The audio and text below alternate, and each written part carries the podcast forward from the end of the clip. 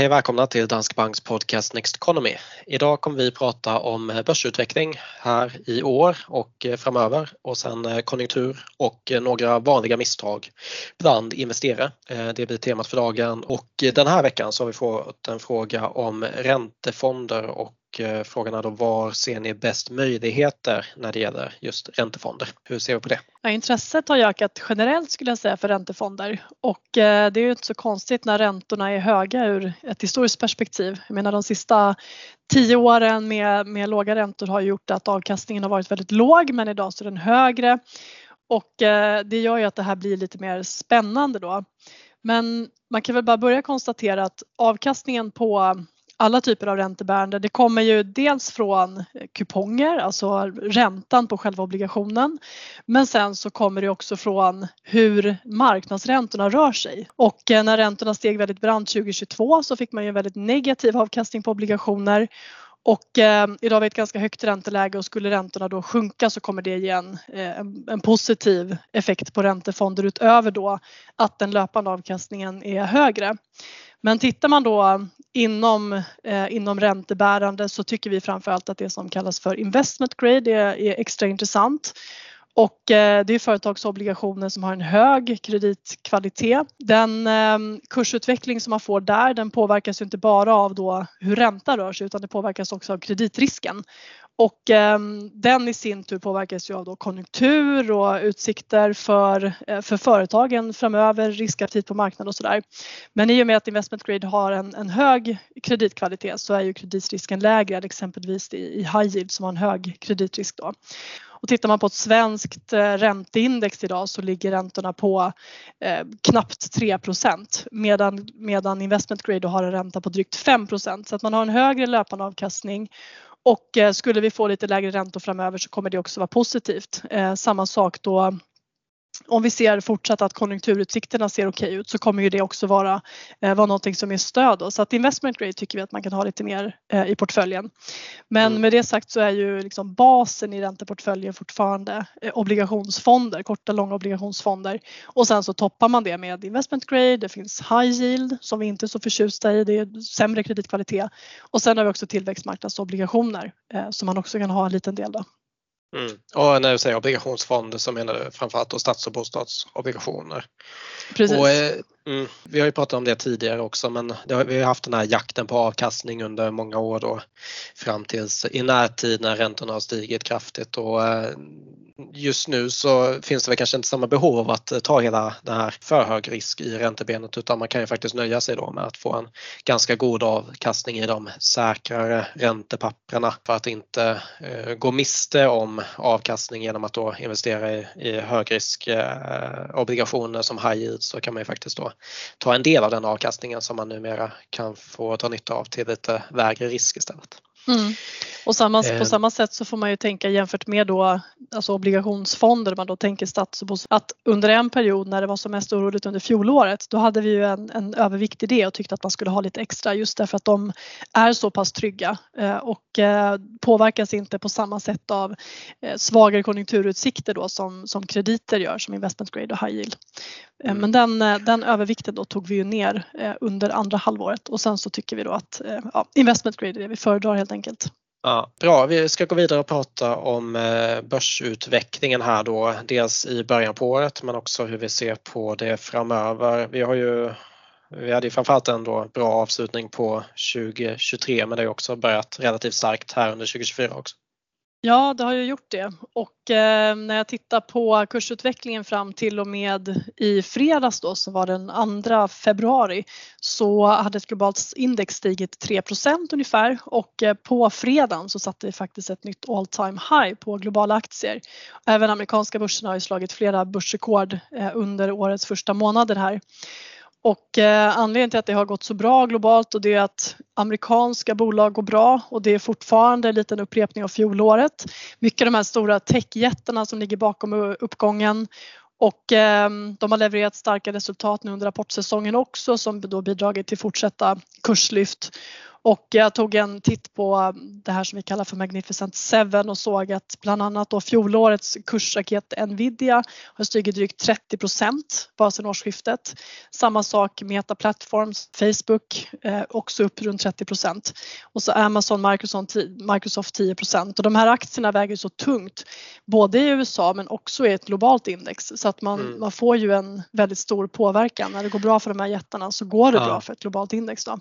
Jag såg att eh, just Meta gick upp och eh, gick med i den här klubben bland då de som har trillion dollars i market cap, eller marknadsvärde. Det är mm. alltså sex stycken numera så det är Apple, Microsoft, Alphabet, Amazon, Nvidia och eh, Meta, alltså Facebook. Så det är ju en stor del av världens börsvärde då som ligger i bara ett fåtal bolag numera. Mm. Och det finns ju för och nackdelar med det och det kommer vi nog kunna återkomma till vid ett senare tillfälle också. Men ja. Eh, så ser det ut och eh, de fortsätter att starkt. Så är det positivt.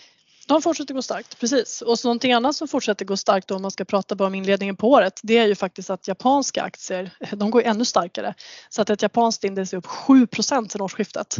Vilket får sägas vara en, en flygande start på året, speciellt med tanke på att det var starkt redan under fjolåret. Vi har ju gjort avsnitt om Japan också. Men man ser ju inflation som någonting som är positivt, löneökningar är positivt. Det händer ganska mycket i bolagen där man då skiftar ut mer värde till aktieägarna istället för att sitta på kassor och eh, dessutom så tror jag faktiskt att det här faktumet att japanska börsen gick bra gör att fler och fler får upp intresset också.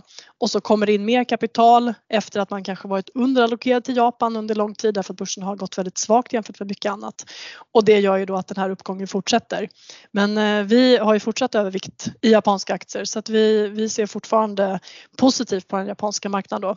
Penningpolitiken mm. kan man nämna också med Bank of Japan som fortfarande har minusränta till skillnad från andra centralbanker som stramat åt väldigt kraftigt. Så det stöttar ju också, inte yenen, men det stöttar eh, japanska bolag och börsen. Ja men precis och eh, om man då går vidare och pratar, jag såg faktiskt att eh, yenen har stärkts något i år mot kronan vilket ju då är positivt på det sättet också, alltså man får en extra skjuts genom att kronan har försvagats mot yenen. Och eh, kronan har en jättestark utveckling i eh, höstas eller innan års årsskiftet, november-december. Men den har ju faktiskt försvagats en del i år. Så eh, vad har bidragit till kronans utveckling och vad tror vi om den framöver? Ja, men om man börjar med att se det i ett lite längre perspektiv. Jag tittar sedan början på 2023 då, så att det vill säga då 13 månader tillbaks. Och eh, faktum är då att under den perioden fram tills nu så har ett globalt index gett nästan exakt lika hög avkastning i svenska kronor som ett i lokal valuta. Men framförallt i mitten av 2023 så hade vi ju ett kraftigt positivt bidrag till avkastningen på globala aktier därför att kronan var var så svag. Men sen tog den ju revansch under avslutningen på året. Då. Sen om man tittar nu början på 2024 så har den försvagats lite men det är inte så konstigt heller efter att vi hade det här rallyt i november och december. Och det gällde ju inte bara svenska kronan utan det var ju svenska tillgångar generellt. Och efter då att Stockholmsbörsen stod på minus ett tag i början november så hade den ju en jättestark avslutning på året så att från botten botten fram till årsskiftet så steg Stockholmsbörsen 20 och stängde då året på plus totalt 15 från, från start till mål så att säga. Eh, och även kronan då hade en stark avslutning på året och nu ser vi lite samma sak både på Stockholmsbörsen och även på kronan i början av 2024. Svenska aktier är fortfarande lite på minus sen årsskiftet. Ehm, kronan har tappat lite både mot euron och dollarn men blickar vi in nu i 2024 så är vår prognos då att vi, vi kommer ha en lite svagare krona mot dollarn framför allt men mer oförändrat mot euron det här kommande året. Då. Och det handlar ju både om hur vi ser på, eh, på svensk ekonomi i kronan men kanske ännu mer om hur man ser på dollarn och att kronan då ska tappa mot dollarn. För vi, det vi tror på egentligen är dollarstyrka och inte bara mot kronan utan också mot andra valutor. Um, det finns flera skäl till det. Men eh, ett är ju att tillväxten globalt väntas bli lite lägre.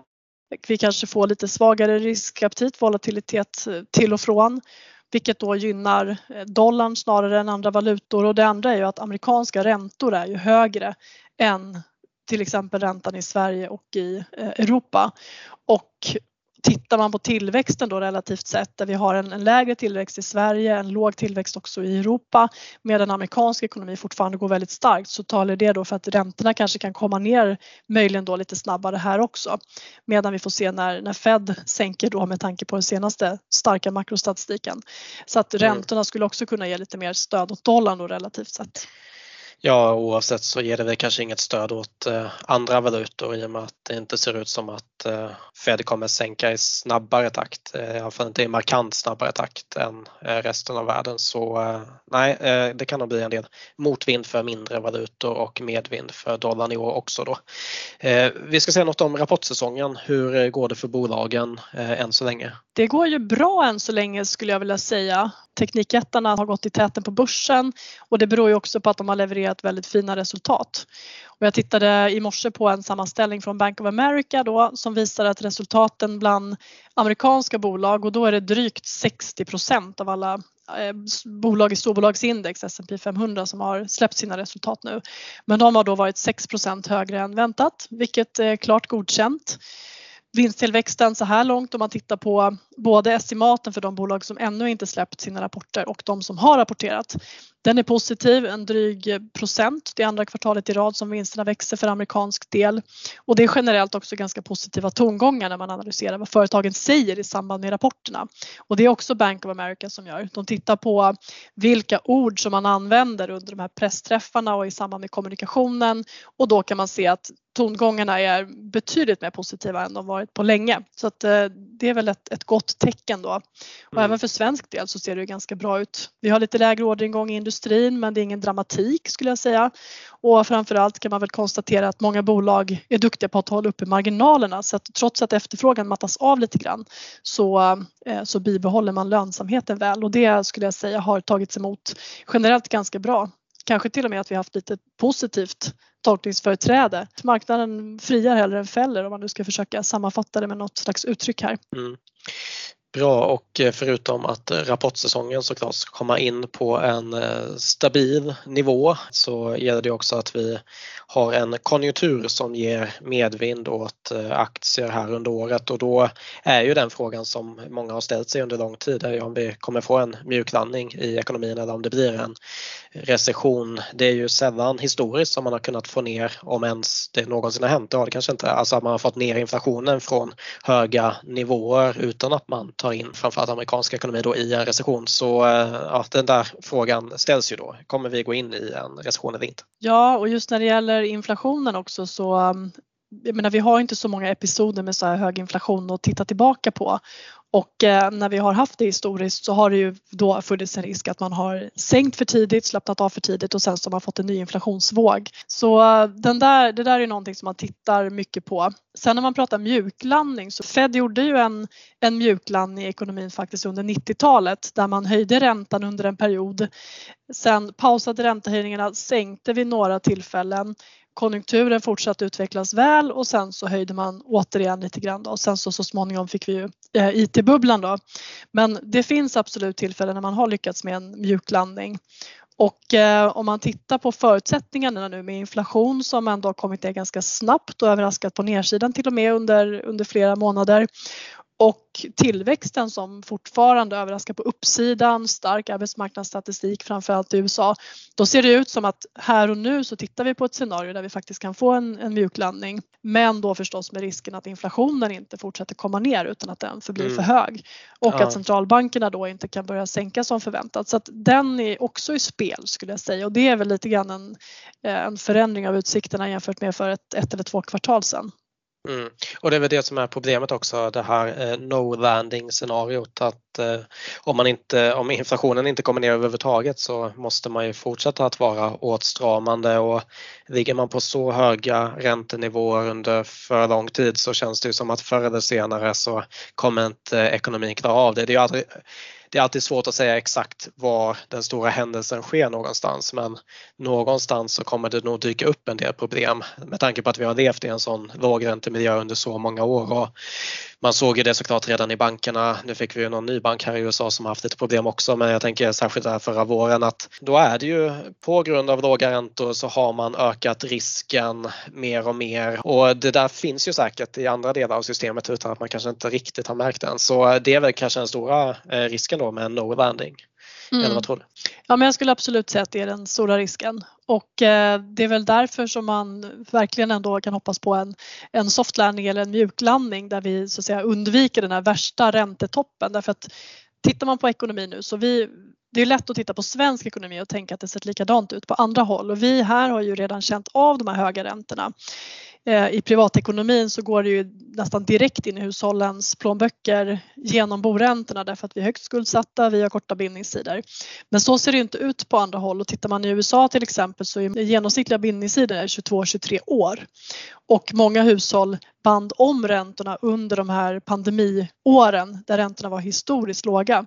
Så att så länge man inte flyttar så blir man inte exponerad för de här nya räntenivåerna. Och sen så pratar man om den här väggen med företagskrediter och, och lån och finansiering som företag då eh, kommer gå in i så småningom så att i takt med att befintlig finansiering löper ut, banklån och obligationer så måste man ta upp nya lån och så blir det på högre nivåer. Men det där sker ju också gradvis och ju förr man då eh, förhoppningsvis kan se att, att centralbankerna börjar sänka räntorna lite igen och menar, vi har redan sett att långa räntor kommit ner desto fler undviker så att säga och omfattas av den här allra högsta räntetoppen. Så att mm. no landing det bygger ju lite på förhoppningar om att så här, nu kommer inflationen ner, konjunkturen ser ganska bra ut, arbetsmarknaden är stark och i takt med att företagen behöver omfinansiera sig så kommer man möta lite lägre räntor än vad vi sett de sista ett, ett och ett halvt åren. Mm. Och hur ser vi då på centralbankerna? Det är ju många som eh, hoppas på en sänkning i närtid. Eh, centralbankerna försöker ju såklart eh, skjuta det där framför sig och inte, det är ju lite deras jobb också det där att inte se för positivt på kommande sänkningar i närtid för det kan ju spä på inflationen. Så ja. ja man, man, försöker ju helt enkelt pusha tillbaka marknaden där. Men hur ser vi på det? När kommer första räntesänkningen? Vi har haft en prognos att, att både Fed, ECB och Riksbanken ska sänka under första, halv, första halvåret och faktiskt att Fed ska gå först och sänka vid mötet i mars. Men dels så hade vi ju ett räntebesked förra veckan och Ehm, då lämnar inte Fed någon ny räntebana eller så men det man ändå gjorde det är man en presskonferens med Jerome Powell och eh, då var han ute och sa, alltså han, han tonade ner de här förväntningarna och sa att vi behöver se mer data som bekräftar det här att inflationen är på väg ner för att vi ska känna oss bekväma med att sänka. Så att där tog han ju ner det lite grann men sen noterar jag att dagarna efter så fortsatte marknaden ändå prisa in 30% sannolikhet för en räntesänkning. Men sen var han ju med i en intervju Eh, i 60 minutes som eh, sändes på söndagskvällen och där fortsatte han prata om att mars sannolikt då är för tidigt. Så att jag tror att vad gäller vår prognos så är det möjligt att vi kommer revidera den där eh, från marsmötet så kanske maj mötet istället. Eh, vi tror fortfarande att sänkningen är på väg även om den inte kommer om, om eh, två månader. Då. Och sen så vad gäller Riksbanken så fick vi också ett nytt räntebesked förra veckan och de lämnar inte heller någon, någon liksom skriftlig prognos. Men däremot så gjorde man ju ändå så pass tydliga förändringar i pressmeddelandet och sa att de första räntesänkningarna kommer sannolikt tidigare än vad man sa senast och då sa man ju 2025. Så att mm det händer ändå en hel del i kommunikationen. Men jag tror just vad gäller USA som ändå är den viktigaste ekonomin och Fed som är, är viktig för börsen så är nog det viktiga inte om sänkningen kommer i mars eller om det kommer vid mötet i maj utan det viktiga är ju varför sänker man? Så sänker man för att, för att det, inflationen kommer ner, alltså om det dröjer lite men inflationen kommer ner och ekonomin är stark. Stark ekonomi, stark arbetsmarknad, bra för vinsterna, bra för börsen. Um, mm. Skulle vi börja se att det ser betydligt svagare ut och man börjar sänka det för att man är orolig, men då är det betydligt sämre för marknaden. Ja. Bra, jag tänker att vi ska gå vidare och prata om en del investerarmisstag. Något som har blivit ganska populärt den senaste tiden och som jag kommer återkomma till senare det är det här med olika temafonder. Och eh, det är ofta så att när man hoppar på en, en hype så slutar det inte så bra för majoriteten av investerare. Och mm. någonting som är väldigt viktigt och väldigt uh, styr börsutveckling mycket det är ju grupppsykologi. Och jag gillar den här studien som jag nog har återkommit till tidigare men det är ju alltså Salomon Ash som gjorde ett experiment på 50-talet där han tog in sju försökspersoner i ett rum och eh, gav dem två olika kort med streck på. Så på det ena kortet fanns ett streck och på det andra fanns tre och sen fick de då frågan vilket av strecken på det ena kortet som var av samma storlek som det på det vänstra. Och eh, Eh, svaret var väldigt tydligt men eh, i experimentet så hade ju då Ash redan på förhand sagt åt sex av de sju försökspersonerna att ge fel svar. Så när den sjunde personen ska ge sitt svar så finns det alltså redan sex svar som går emot vad som är uppenbart eh, rätt. Och i många av fallen så väljer den sjunde personen att hålla med om det felaktiga svaret bara för att inte gå emot gruppen. Jag tror det var ungefär en tredjedel av fallen som det hände. Och då finns det ju en eh, typ av evolutionär förankring här. När vi levde som jägare och samlare så var det viktigt att del av en grupp. Man ville inte bli utstött ur gruppen för det var svårt att överleva på egen hand. Så våra hjärnor har inte utvecklats för att fatta beslut som går emot majoriteten. Och eh, det där förstör ju för oss på aktiemarknaden då. Och sen så är det klart att vissa har enklare för att gå emot majoriteten än andra så det är inte allting är ju fortfarande eh, individbaserat men, men det tydligaste exemplet på det blir ju om man bara kollar på en graf över utveckling eh, för ett världsindex till exempel och kollar på eh, in och utflöden ur globalfonder. Det är många som köper när börsen går upp och det är många som säljer när börsen går ner och det är ju ofta på uppe på toppen där det känns som mest positivt. Alla ska in och tjäna pengar för att alla andra tjänar pengar och då köper man gärna för att vara med på det tåget och sen då på vägen ner så börjar det bli mer negativt och eh, då är det väldigt svårt att stå emot när det känns som att alla andra säljer och de räddar ju sina pengar samtidigt som man själv då ska försöka hänga kvar på aktiemarknaden. Så eh, ja, det här med flockbeteende och grupppsykologi det är något som hindrar oss från bra avkastning över tid. Och det är inte någonting som vi får hjälp med heller av omvärlden tänker jag. Därför att när börsen har gått bra under lång tid och när, när marknaden stigit mycket och vi har liksom haft medvind, konjunkturriskerna kanske varit låga, alla stjärnor har stått rätt, då rapporteras det ju just om den här ljusa framtiden och i rapporteringen så, så är det lätt liksom att man tar fokus på det som är positivt och bekräftar det här som man ser. Och på samma sätt ser det ut när, när det går dåligt eller när det är stora kursrörelser, när någon typ av kris bryter ut. Det är det vi vill läsa om så att när det händer händer någonting då, då dras vi till de här eh, artiklarna eller rubrikerna som förklarar och, och kanske som framhäver det som vi är rädda för. Alltså det, vi mm. vill ju läsa om det. Men eh, problemet är ju att nyhetsflödet som vi matas med hela tiden då ja, bekräftar det här flockbeteendet som man ändå är utsatt för. Så att det kan ju mm. också vara bra att ha med sig eh, när, man, när man läser tidningen och ser att man brukar prata om så här att när kvällstidningarna börjar trycka aktietips då ska man, ska man börja passa sig. Och lite grann är det ju så. Eh, när börsen har gått bra länge så blir det ett väldigt stort allmänintresse för att äga aktier. Även enskilda aktier och inte bara månadssparfonder. Så mm. det, det ligger absolut någonting i det där skulle jag vilja säga.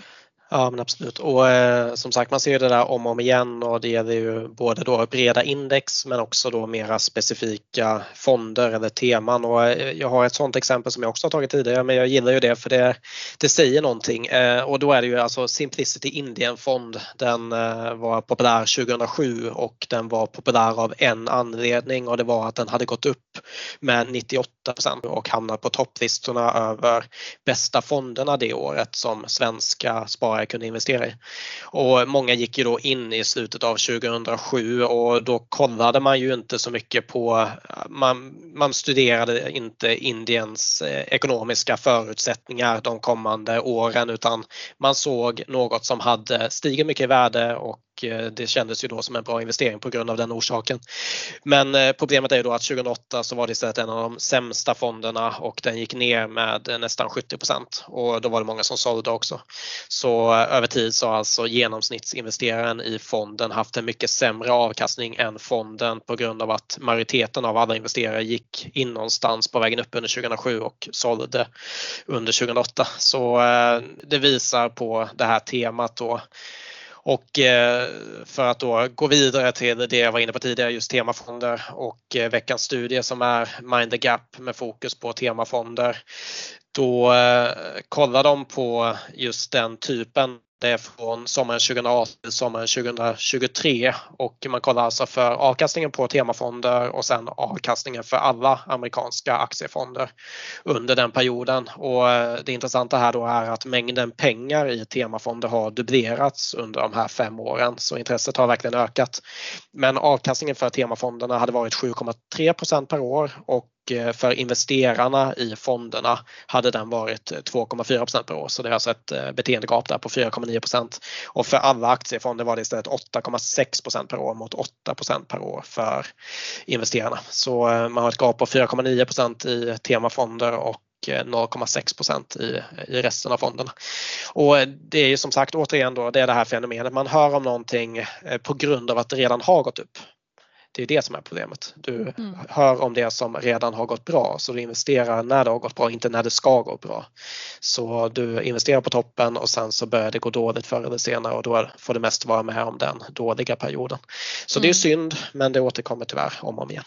Ja, ingenting får ju så mycket uppmärksamhet som någonting som redan gått fantastiskt. Ja men exakt. Alternativt ingen... någonting som går riktigt, riktigt dåligt får också mycket uppmärksamhet och ja. skrämmer bort de som är kvar. Och ingenting får så lite uppmärksamhet som investeringsprocesser. Det är väldigt tråkigt tydligen ja. att eh, både prata och skriva om. För det, det, är ju det som är det viktiga. Alltså du ska ju fokusera på processen först och främst och sen så får ju utfallet bli ett resultat av processen och ett resultat av processen över tid. Alltså om du hela tiden bara fokuserar på utfallen så kommer du dels eh, fatta dåliga beslut för du kommer bara köpa eller sälja baserat på det och du kommer också inte lära dig något av det.